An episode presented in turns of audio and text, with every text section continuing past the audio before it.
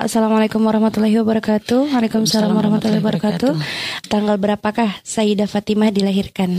Tanggal berapakah Sayyidah Fatimah dilahirkan? Ya, subhanallah. Masalah tanggal itu kadang beda-beda ya. Mhm. Ada perbedaan di antara ahli sirah dengan yang satu yang lainnya. Mhm.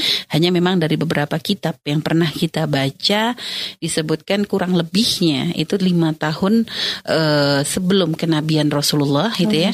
Itu bertepatan dengan bina Ka'bah, eh, pembangunan Ka'bah waktu sudah dipugar gitu ya. Dan bertepatan dengan letak peletakan Hajar Aswad itu, itu kurang lebihnya gitu ya. Ada pendapat eh, ada yang menuliskan bahwa sekitar tanggal 20 Jumadil akhir.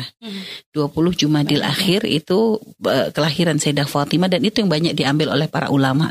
Walaupun ada yang mengatakan beda-beda ada begini-begini, ya itu yang paling banyak disebutkan. Untuk masalah ketepatannya wallah alam bisawab.